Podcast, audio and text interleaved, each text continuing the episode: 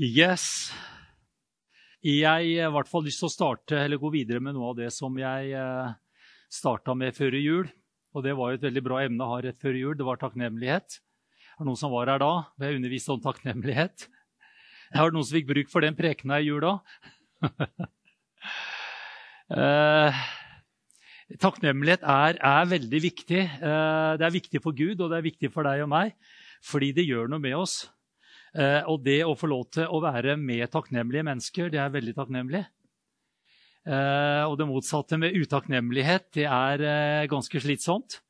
Men takknemlighet, det gjør noe med deg og meg. Og jeg snakka også om det med at takknemlighet, det forløser glede. Vi tror mange ganger at det er bare å få veldig mange ting, om det er materielle goder eller Guds velsignelse, så blir vi bare automatisk glade fordi vi får. Men da brukte jeg eksempler på små barn som skjønner veldig fort at de får mer enn én presang. Så åpner de den, og så kaster de den bort, og så er de bare på den nye presangen. Det er jo sånn det er. Eh, og så, eh, og så får de ikke den gleden og fullheten av hva de allerede har fått.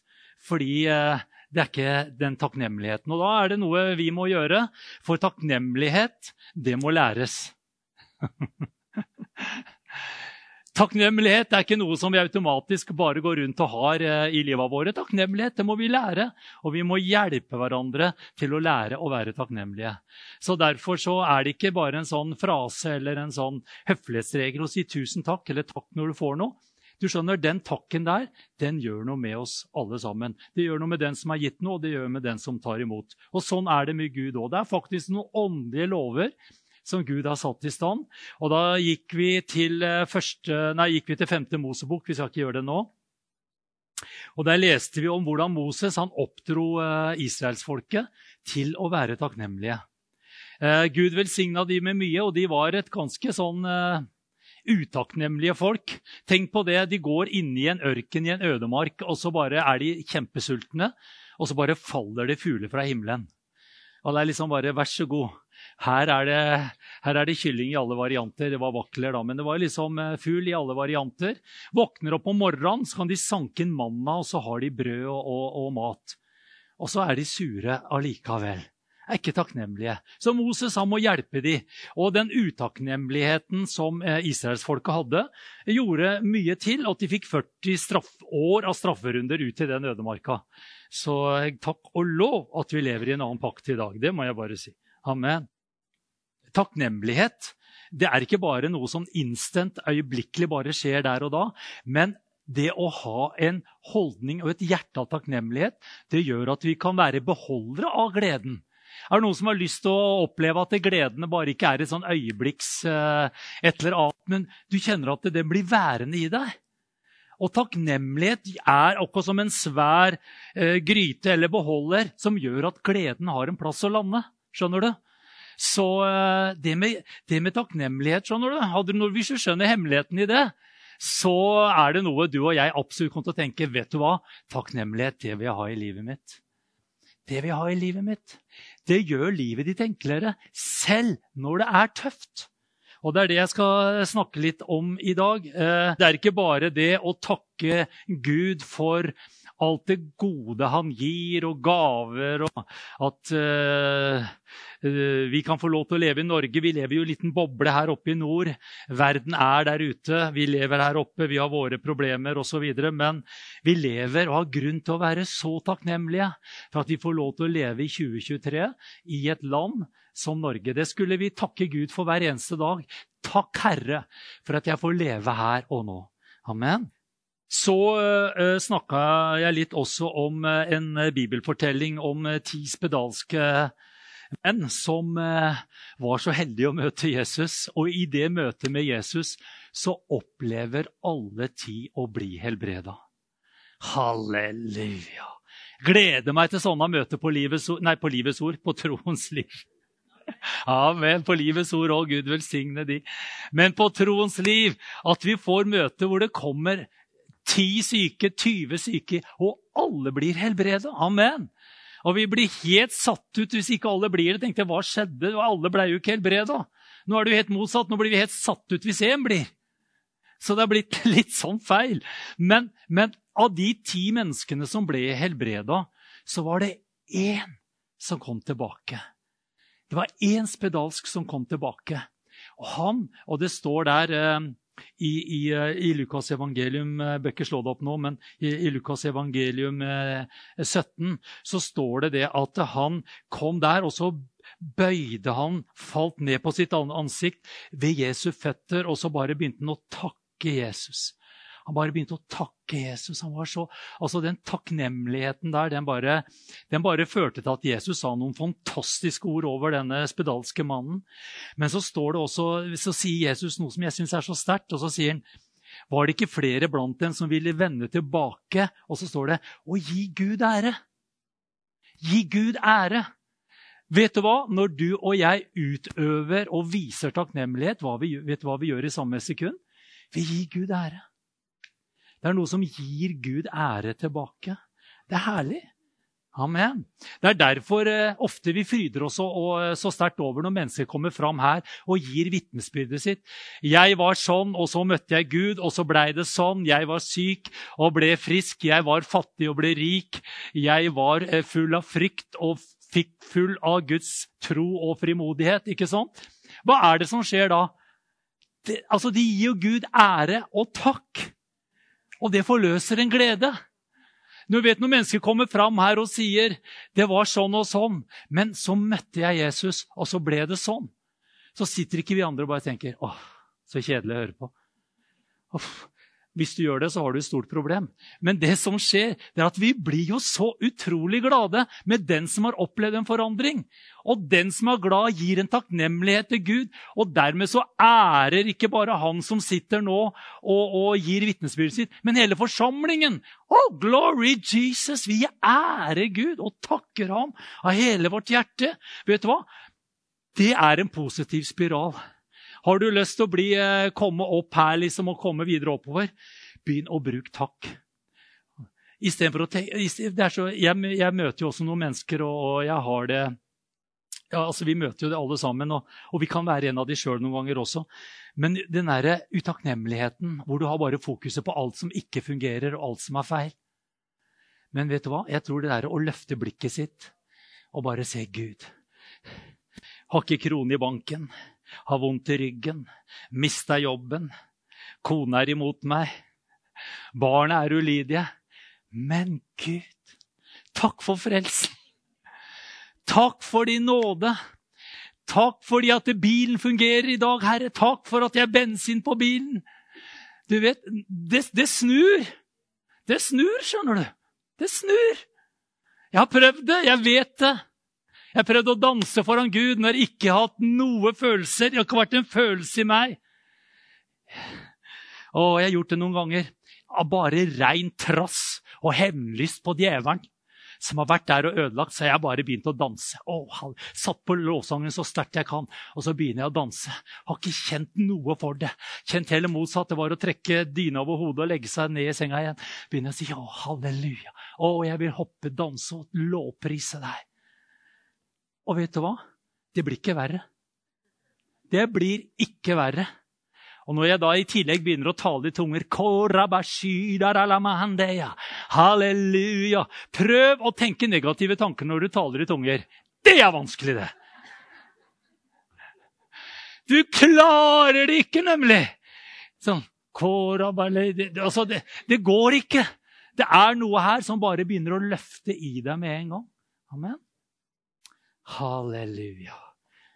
Si etter meg en sånn person vil jeg være. Hørte deg. Nå sa Siri på klokka mi, jeg forstår ikke hva du mener. Men det gjør du, og det gjør Gud. Halleluja. Blås i Siri. Men jeg har jo allerede snakka om at når jeg studerte dette med takknemlighet, så fant jeg ut at det var tre nivåer av takknemlighet. Nå har vi bevega oss på det første nivået, som på godt norsk heter folkeskikk. Eh, det å takke for det vi får og det vi mottar. Det vi har fått og det vi mottar i øyeblikket. Men vi skal strekke oss lenger. Og når vi kommer til det tredje, som ikke vi kommer til å gjøre i dag, så da må du komme hit for å høre det tredje nivået av takknemlighet. Det er spennende, altså. Woo, glory Jesus. Der skal vi alle sammen. Som sagt, Moses han lærte israelsfolket å takke for, eh, for det de fikk av Gud. Og så har vi en som heter David. Og han lærer oss eh, å takke Gud eh, enda litt videre enn det Moses, Moses hadde det. han og ikke misforstå, men, men David er et sånn fantastisk eksempel på det å takke når ikke allting også er så veldig bra. Og, David han var jo en gjetergutt som var der ute, ble kongen av Israel.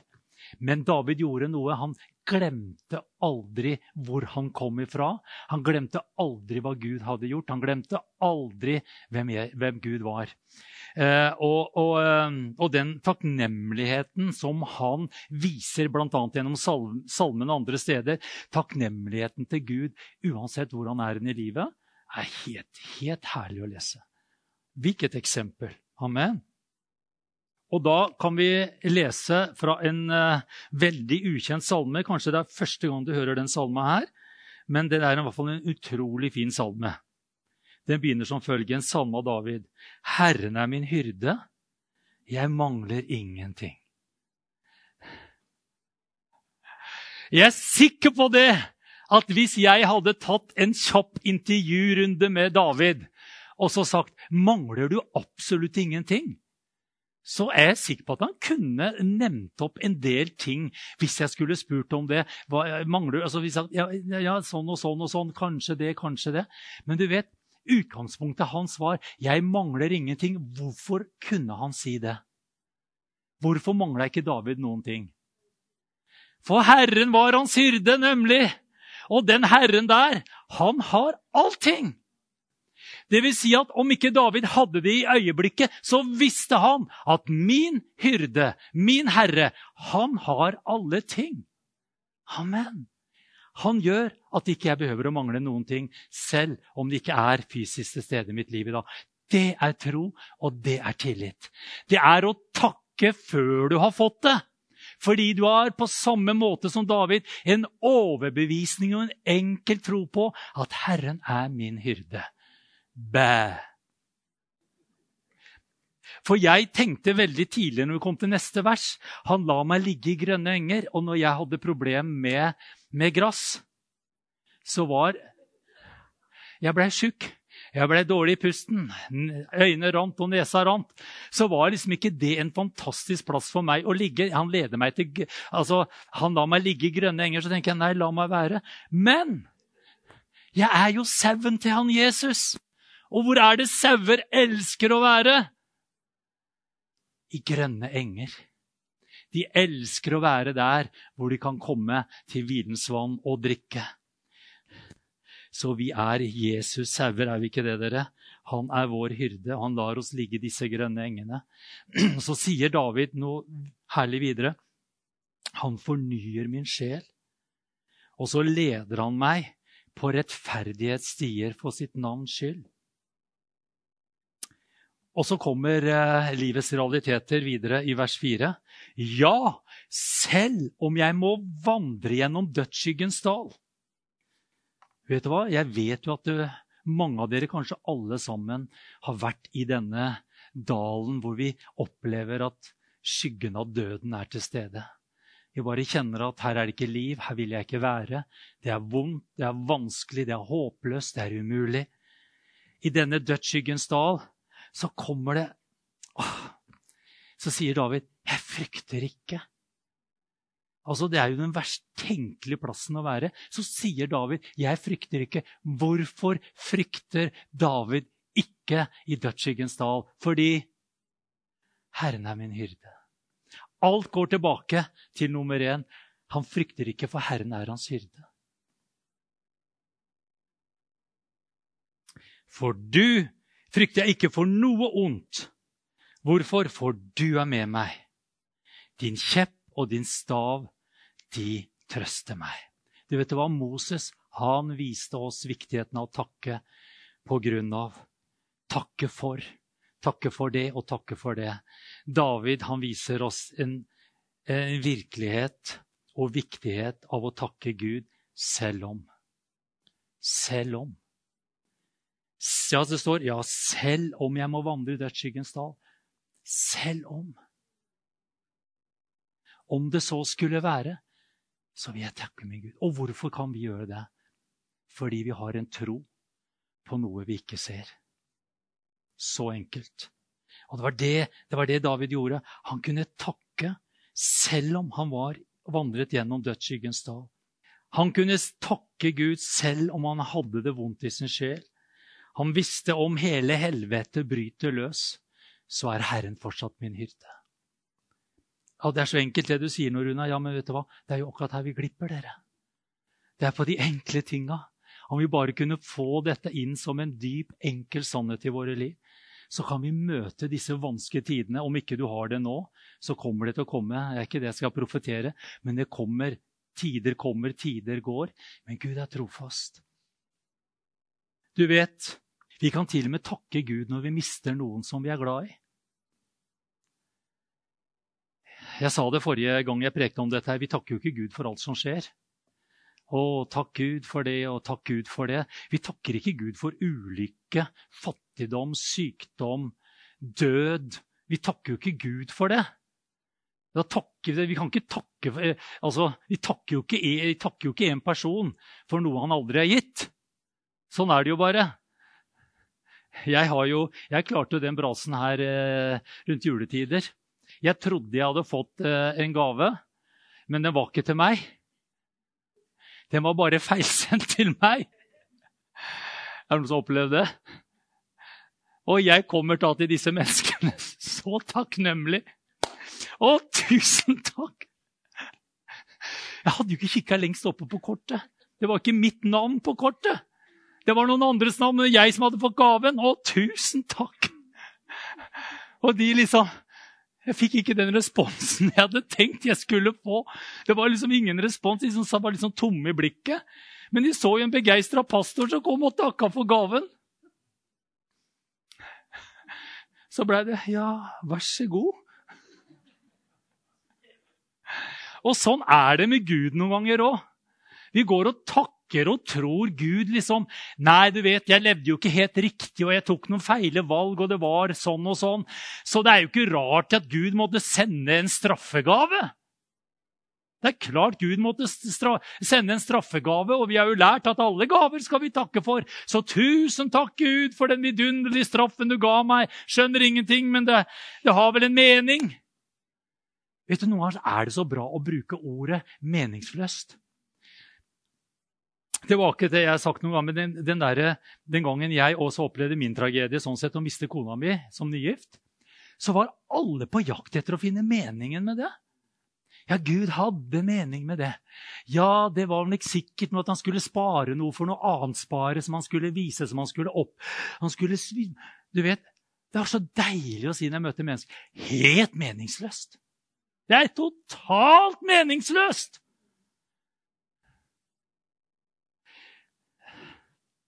Og det er bare så bra å kunne si.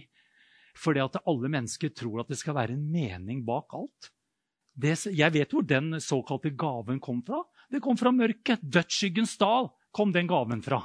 Og da har jeg lært meg én ting. Det står ikke ett sted i min bibel at jeg skal falle ned på kne og takke djevelen for gaver han sender min vei. Det står 'stå djevelen imot, fast i troen', så skal han fly fra dere, står det. Det er den takken han får. Vi skal være frimodige, dere. Vi skal ikke være forvirra. Nå snakker jeg, Det her skjedde jo på 80-tallet. Var det mye forvirrelse på det hva Gud gjør, og hva han ikke gjør? Derfor var det så herlig. Husker du det, Jan Elge? Vi hadde en konsert i Ibsenhuset på ungdomskoret. Husker du headingen som var der? Som bare sto der, skåret ut i isopor. Eller noe sånt! Så hang der, holdt på å rase ned noen ganger, men der sto det med store bokstaver Gud er god. Gud er bare god. Gud er bare god. Bare han kommer det fullkomne og gode gaver ifra. Er ikke gaven god, er det ikke han.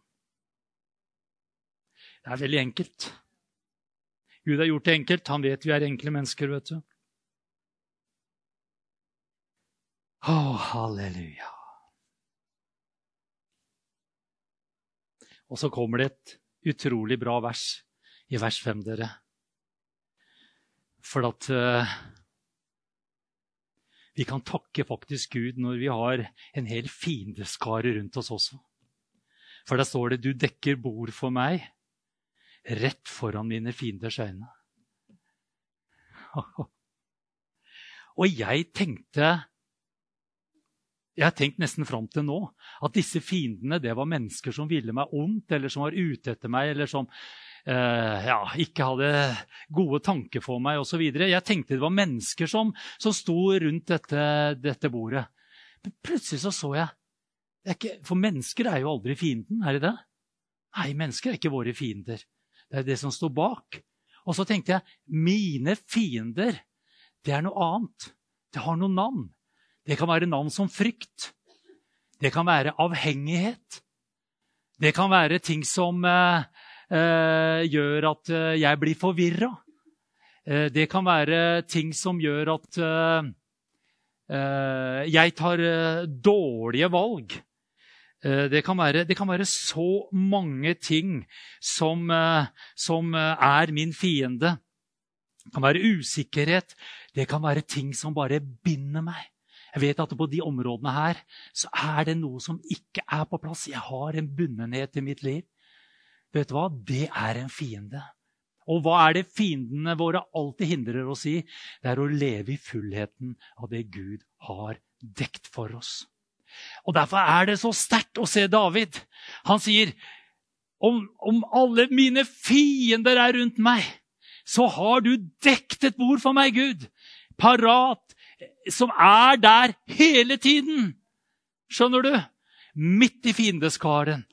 Og, og, eh, og, så er det bare sånn at uh, der er det en plass uh, hvor jeg kan begynne å takke Gud. Ikke fordi at jeg bare takker Gud fordi at han kom med frykt. Takk Gud for frykten. Den holder meg ydmyk, og den holder meg litt mer tilbake, og den gjør sånn og sånn. Nei, frykt gjør ingenting av det. Den ødelegger, ruinerer og dreper i vårt liv. Men vi kan begynne å takke Gud. Når vi kjenner frykten er der, så kan vi begynne å si takk, Herre. At foran min frykt så fins det et bord som du har dekt. Som bare gjør at jeg kan innta et måltid.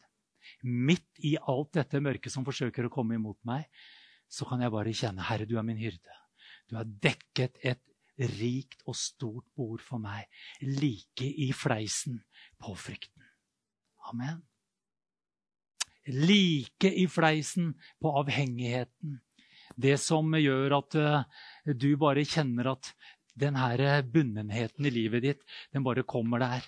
Spiseforstyrrelsen. Ja, opplevelsene du har hatt, alt dette traumene, alt dette som kommer der, så sier, så sier David, du har dekt et bord for meg like for eh, disse fiendene. Og hvordan klarer jeg å overvinne dette? Er det bare å spise? Blant annet så gjør vi det. Men det er fordi at eh, når jeg begynner å takke Gud, har min trygghet og min tro og min tillit til ham, også midt i dette virværet, så begynner Gud å si å helle noe over våre liv. Amen. Så begynner et beger å flyte over. Og det er så imot og alle omstendigheter. Egentlig så skulle det være verre enn verst. Men når vi bare har en tillit og tro til Gud, at selv om mine fiender leirer seg rundt meg, selv om det er Gud, så vil jeg stole på deg, takke deg og ha tillit til deg. Og når vi gjør det, den takken skjønner du, den tilliten og den enkle troen til Gud, gir Gud en mulighet til å begynne å helle noe over våre liv. Og det står der i det verset som du også kjenner nå. ikke sant? Du salver mitt hode med olje. Mitt beger flyter over. Halleluja. Selv om det er tøft, det er mørkt, så er et beger som begynner å flyte over. Halleluja. Så når du kjenner frykten komme på, du kjenner at dette her er tøft, nå kommer noen utfordringer, så, så det, skal du bare tenke med en gang nå er det tid for å spise. Nå er det tid for å spise. Og det er da ofte folk tenker Nei, nå, nå, må vi bare reime oss inn. Nå må vi bare lukke øynene, holde for ørene og håpe det bare brister igjennom. Men vet du hva? Da skal vi med frimodighet si det er dekket et bord for meg nå. Så kan du bare si du frykt som kommer imot meg, forsøker å binde meg og holde meg tilbake. Nå skal jeg innta måltid sammen med Herren. Og jeg vil bare takke ham og prise ham i disse omstendighetene. Og så gir det Gud anledning til å begynne å la det flyte litt olje over deg. Nå skal jeg ikke gå så veldig mye inn på hva salveolje er, men det er noe fryktelig positivt. Om ikke du skjønner hva, hva det jeg prater om nå, så tenk på at uh, dette her er noe veldig, veldig positivt. Du skjønner, når Gud sier at han vil la sin salveolje komme over, over våre liv, og vårt beger flyter over, så er det ikke liksom bare å si wow, her ble det mye. Å, dette ble bra. Å, nå flyter det over. Du vet at det er det som flyter over, det skal brukes til noe. Glory Jesus. Her er hemmeligheten, skjønner du. Det er ikke bare det at du bare tenkte 'Å, så greit. Nå gikk det bra.' 'Å, nå kjenner jeg nå, nå har jeg kommet igjennom denne dødsskyggens dal.' 'Å, nå kjenner jeg meg så velsigna. Nå kjenner jeg meg så bra.' Men nå er jeg tilbake til den prekena jeg hadde i januar. Vet du hva? Nei! Da gjør vi noe enda herligere. For nå skal vi ha revansj. Halleluja. Nå har du blitt så fylt opp av Gud at det begynner å renne over. Så tenker du, kjære Gud i himmelen, dette er jo så bra. Dette er jo helt fantastisk. Det må ikke det bare renne ut. Det renner over. Jeg har fått masse, mye mer. Dette må Jan Helge få også. Jeg som var så full av frykt. Jeg som hadde så motstand, jeg som var så redd. Jeg som hadde så stor avhengighet. Jeg som kjente at jeg hadde hemmeligheter som ingen visste om. Ting som var i mitt liv. Vet du hva? Når jeg har vært der innenfor Gud, han har møtt meg. Det begynner å renne over. Han har dekt bord for mine fiender. Jeg tror det. Nå begynner det å renne det over. Vet du hva? Da er det tid for å gå ut og ta revansj sa kan du bare si vet du hva, jeg var full av frykt. Jeg bruker det som eksempel, for det er et enkelt eksempel som de aller fleste av oss kan kjenne, i, kjenne seg igjen i. Så kan du si til Gud dette er et tveget sverd du har gitt meg, Gud. Dette er en olje som, og et beger som bare flyter over. Nå, Herre, la oss gå på jakt etter mennesker som har sittet og kjent på akkurat det jeg har kjent på. Nå, Gud, nå skal djevelen angre. Nå skal han få to tette og ei badehette. Nå skal han få lov til å kjenne at det han kom imot meg med Nå! Nå! skal jeg bruke det som en revansj mot fienden. Nå skal jeg sette andre mennesker i frihet fra frykt. Mitt beger flyter over. Å, så deilig. Å, så nydelig. Ja, vet du hva? Du skal bruke det som en revansj inn mot fienden. Vet du hva? Er det noe jeg er bevisst på, er det noe jeg har brukt mye, og jeg sa jo det på det møtet Å, jeg har vært på mange revansjtakter. Å, jeg har sagt Gud, la oss slå en fiende eller to. La oss kaste ut en demon eller fire.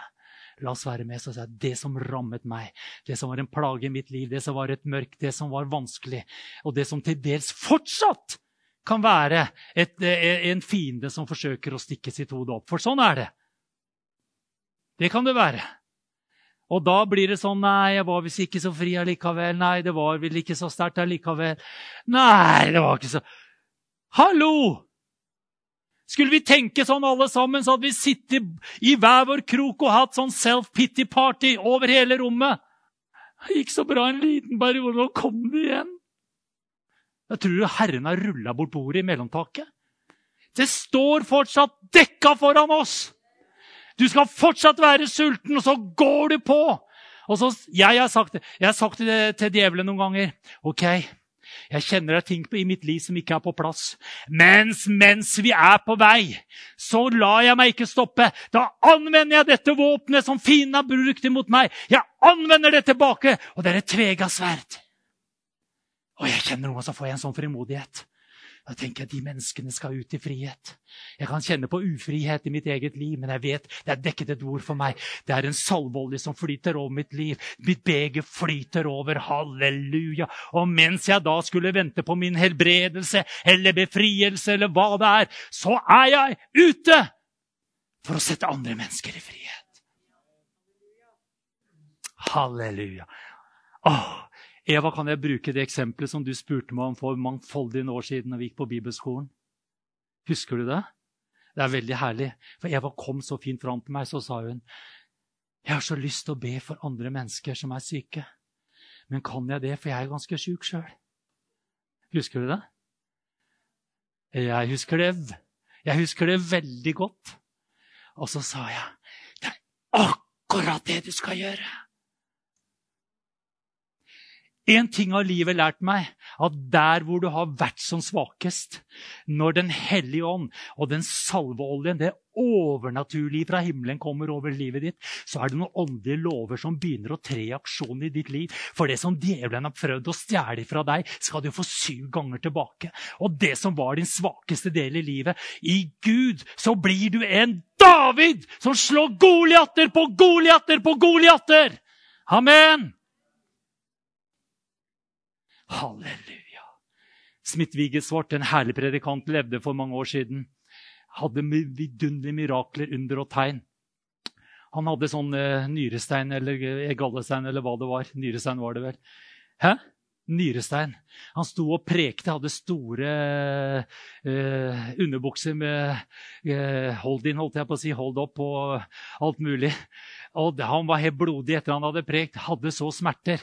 Og der, vet du, Han prekte, ba for mennesker. Der rulla kreftsvulster bort etter gulvet. Mennesker som var døde, ble reist opp igjen. Han kunne jo satt seg ned og si, 'Nei, Gud, jeg venter på at jeg sjøl skal bli hel og frisk og bra.' og tralalala, Da skal jeg gjøre det. Det er det mange kristne tenker. Ja, når jeg blir sterk i Gud Sterk i Gud! Han bor jo i deg! Mye sterkere skal du bli? Hele, det, hele guddommen har tatt bolig i oss. Og vet du hvorfor du sier det du gjør? Du gjemmer deg bak noe. skjønner Du gjemmer bak deg sjøl. For du kommer aldri til å bli sterk nok, du kommer aldri til å bli klar nok, du kommer aldri til å bli god nok. Aldri! Det du må gjøre, det er som David. Herren er min hyrde. Jeg mangler ingenting. Det må bli en sannhet i våre liv. Når det blir en sannhet, så kan vi gå på røvertokt med Herren sjøl. Og djevelen blir redd for deg. Fordi han ser plutselig det er ikke Runar som kommer der, det er jo han Jesus. Det er jo Jesus i Runar som begynner å reise seg. Han utøver guddommelig autoritet fordi at han ser sin posisjon og sin rettferdiggjørelse og sin nåde i Jesus Kristus. Han begynner å bli farlig. Han lar seg ikke stoppe. Send mer frykt på ham! Å, han få masse frykt! Å, kjære Gud, mer frykt. Han reiser seg mer enn noen gang. Akkurat sånn er det Gud har tenkt at vi skal leve. Da fins det ikke noe vi kan gjemme oss bak. Å, du skulle visst min barndom. Jeg ble utsatt for det. Overgrep. Sånn. Og det er fryktelig trist. Og vi, vi har full forståelse, og vi sitter i sjelesorg, og vi bygger opp. Men mens vi sitter litt i sjelesorg holdt jeg på å si. Og mens vi bearbeider alle traumene, så gå ut og forkynn evangeliet! Jeg har jo mer enn nok med meg sjøl. Det er akkurat det som er problemet.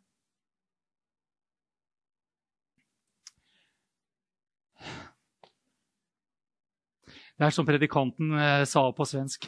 Vi er opptekt fienden. Vi er opptekt fienden! Og alle bare tenkte hvem er fienden? Er det Putin? Hvem er fienden? Og så sa han det er oss selv. Den største fienden er deg sjøl. Det er ikke bestemora di. Det er ikke eksen din. Det er ikke venninna di. Er ikke arbeidsgiveren din. Den beste sabotøren du har med deg, det er deg sjøl. Og det er han som vi må sette en stopper for. Ja, Hadde det ikke vært for den, og hadde det ikke vært for den, og hadde det ikke vært for den, så kunne jeg levd et mektig sterkt og velsigna liv. Kjære, jeg kunne jo sendt deg en smørbrødliste. Jeg og masse jeg kunne gjemt meg bak. At jeg står her og preker til deg da, for meg, for meg er det et mirakel hver gang. Jeg fatter ikke at det går an. At Gud kan bruke meg. Kan bruke meg, så kan han bruke deg. Han skulle bare ha visst. Gud regner ikke med deg og meg, han regner med seg i deg og meg. Om vi får det blikket litt flytta bort fra oss sjøl, så blir det mye enklere. Da tar du ikke ære for det som går bra engang heller, for du bare skjønner det bare med Jesus å gjøre. Er du veldig bra, vet du, så bare kjenner du oh, glory Jesus. I'm so anointed. Mm. Jeg vet hva? Den der ydmykheten der er veldig bra. At disse fiendene leirer seg rundt deg, men du spiser som en gal. Du bare fòrer deg med alt Guds ord, og du bare spiser Herren og ord og alt mulig. Bli sterk i Guds kraft og i Hans veldige makt. Og så går du ut og slår fienden. Når jeg, var, når jeg har vært på det svakeste, så har jeg kjent da er jeg på det sterkeste. For jeg er helt avhengig av Jesus. Og Noen ganger har jeg kjent meg litt sterk. Liksom, Lovsangen har sittet i bønnen har vært der. Ordet har blitt fylt. og jeg kjenner, glory Jesus. Mm, tror det blir herlig møte på søndag. Mm, glory Jesus. Å, takk og lov, Gud, at jeg skal preke på søndag. Glory, jeg kjenner meg så fint. Å, det er bra. Oh. det er ikke noe gærent i det. Men hvis jeg setter min lit og tillit til at Runar Wold er så flink og dyktig og lest og er så super spiritual, et eller annet, så har jeg bomma. For den svake skal si 'jeg er'. Den fattige skal si 'jeg er'. Amen. Halleluja. Så om du kommer til meg og sier du er fattig, så sier jeg halleluja, du er rik. Sånn er det. Det fins noe fint her i Gud, skjønner du. Nå skal jeg øyeblikkelig avslutte. Halleluja. Om den onde mister grepet på de tankene som du har der, så blir du farlig for, eh, farlig for din fiende. Mm -mm. Jeg har sittet og hørt, og det er veldig, veldig spennende og lærerikt og givende å høre mange livshistorier. Jo eldre vi blir, jo lengre blir historien.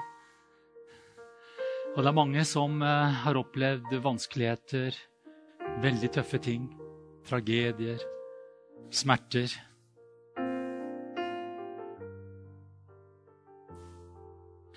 Og Derfor er jeg så takknemlig til Gud for at han ikke sier at Er smertebeholdningen din såpass stor?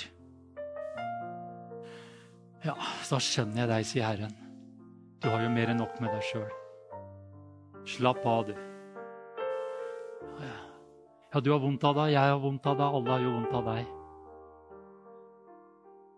Jeg har til og med sagt til mennesker i forbønn og i sjelesorg Er du villig til å gi opp medlidenheten? Oppmerksomheten som medlidenheten gir? For det er, følger veldig mye flott med å være et offer òg, skjønner du. Just saying. Og Noen ganger så er vi offer for omstendigheter, og vi skal møtes med kjærlighet, omsorg. Og vi skal bæres.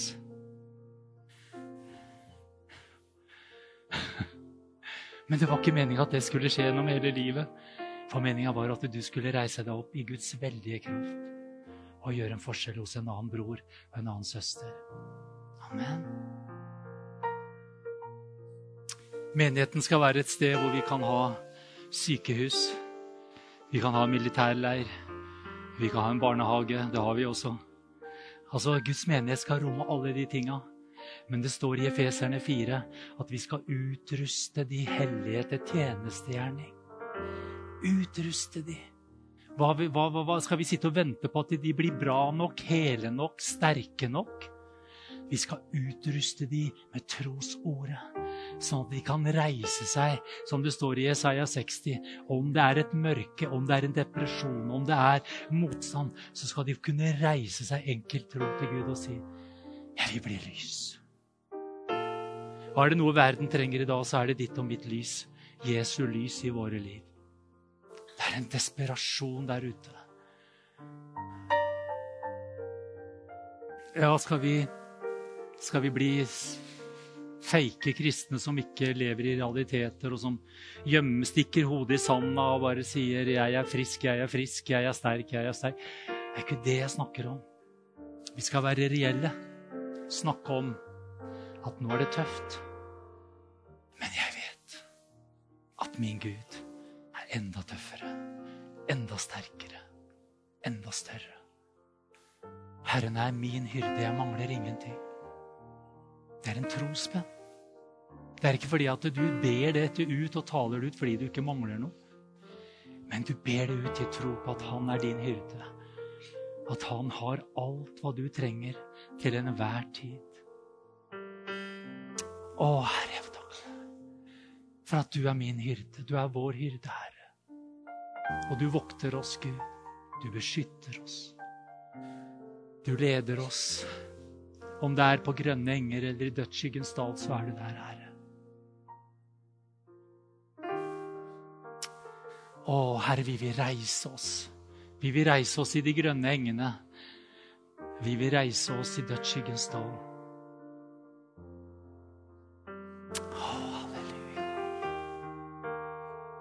Å, Herre, jeg vil ta din sannhet inn i mitt liv. Sannheten om hvem jeg er i deg, Jesus. Det fortrenger ikke virkeligheten, men det fins en annen virkelighet også. Det fins en annen virkelighet som er enda virkeligere enn min virkelighet. Å, Jesus, jeg bare takker deg.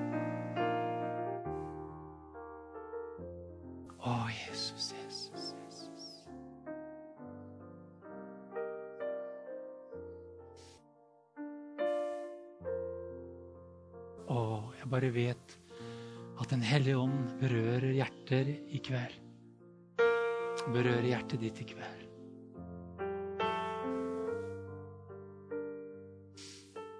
Og han sier, 'Kom som du er'. Kom tilbake til meg. Kom tilbake til fårefolden. Kom tilbake inn i den strømmen som jeg har for deg. For jeg har gode tanker for deg, ikke tanker til ulykke, men jeg har fredstanke for deg. Ah, jeg er ikke kommet for å gi deg bare et lykkelig liv, men jeg er kommet for å gi deg et meningsfylt, et velsigna og sterkt liv. Jeg har ikke kommet for å gi deg et problemfritt liv, men jeg er kommet for å gi deg en kraft som tar deg gjennom fjell, som bærer deg over vannet. Herre, du er min hyrde. Herren, du er vår hyrde. Vi mangler ingenting. Herre, ta våre hjerter. Forvandle våre liv. Vi er så avhengig av deg, Herre så avhengig av deg, Jesus. Å, Herre, jeg takker deg. Takk for at du fant meg, Jesus. Takk for at du frelste meg. Det er mitt største takk. Min aller største takk. Takk for at du frelste meg, Jesus. Reddet meg opp. Reddet meg ut. Satte mine føtter på en klippe. Å, du ga meg et nytt liv. Mitt beger flyter over i kveld, Herre. Å, la våre begre flyte over i våre liv, Herre. Av dine velsignelser, av din kraft, av din barmhjertighet, av din kjærlighet, av din nåde. Så vi kan begynne å forfriske andre mennesker, Herre. Og ta en revansj. Én slår tusen. To slår titusener av fiender. Og de må fly. De må bøye sine kne, for de er allerede beseiret gjennom Jesu fullbrakte verk på Golgata kors.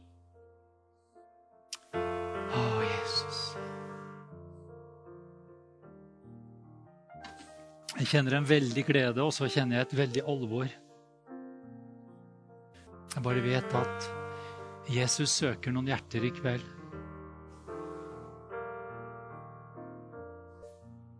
Halleluja. Berøre noen mennesker i kveld.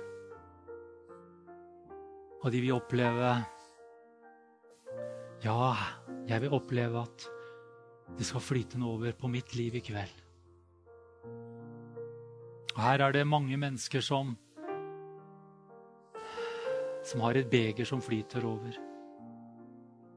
Ikke fordi at de er så fantastiske, spesielle eller har det så lette liv, men de har lært å takke ham og tro ham som hyrde. Men du som er her og bare kjenner jeg vil, jeg trenger bare å få få noe av dette over. La det renne over på mitt liv. Jeg trenger det akkurat i, i, i kveld. For jeg står i en situasjon jeg trenger at andre mennesker står sammen med meg. Ikke bare for å synes synd på deg og, og trøste deg og klappe deg, men som har et svar, en kraft å gi deg. En forløsning, noe som forandrer livet ditt. Amen. Om du er syk, om ikke du har tatt imot Jesus, om du har uh, gått din egen vei og ikke fulgt ham uh, siste tida, om du har uh, rota det litt til. Om du har frykt i livet ditt, om du har ulike ting. Kan vi ikke gjøre det sånn at om du kjenner ja, jeg vil ha at noen menn og kvinner står sammen med meg, ber for meg, så vi bare, kan du komme fram enkelt i Jesu navn. Jeg kjenner det er en, en salvelse, en olje som skal bare flyte over. Fra mitt liv, fra våre liv, inn i ditt liv. Vær frimodig. Halleluja. En dag er jeg nede, da trenger jeg deg og Herren for å løfte meg opp. Det er derfor vi har hverandre.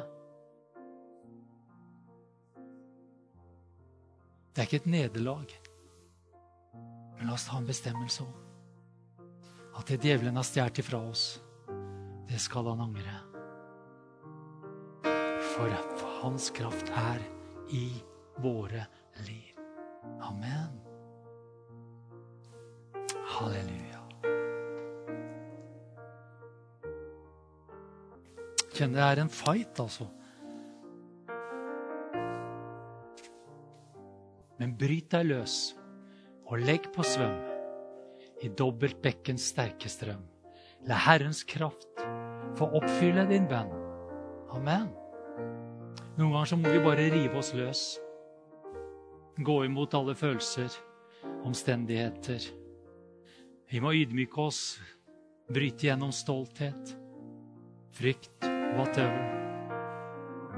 Det ligger en sånn det ligger en sånn, sånn gjennombrudd i de tinga der. altså. Om du vil ha et gjennombrudd i livet ditt, så bare riv deg løs. Riv deg løs i Jesu navn.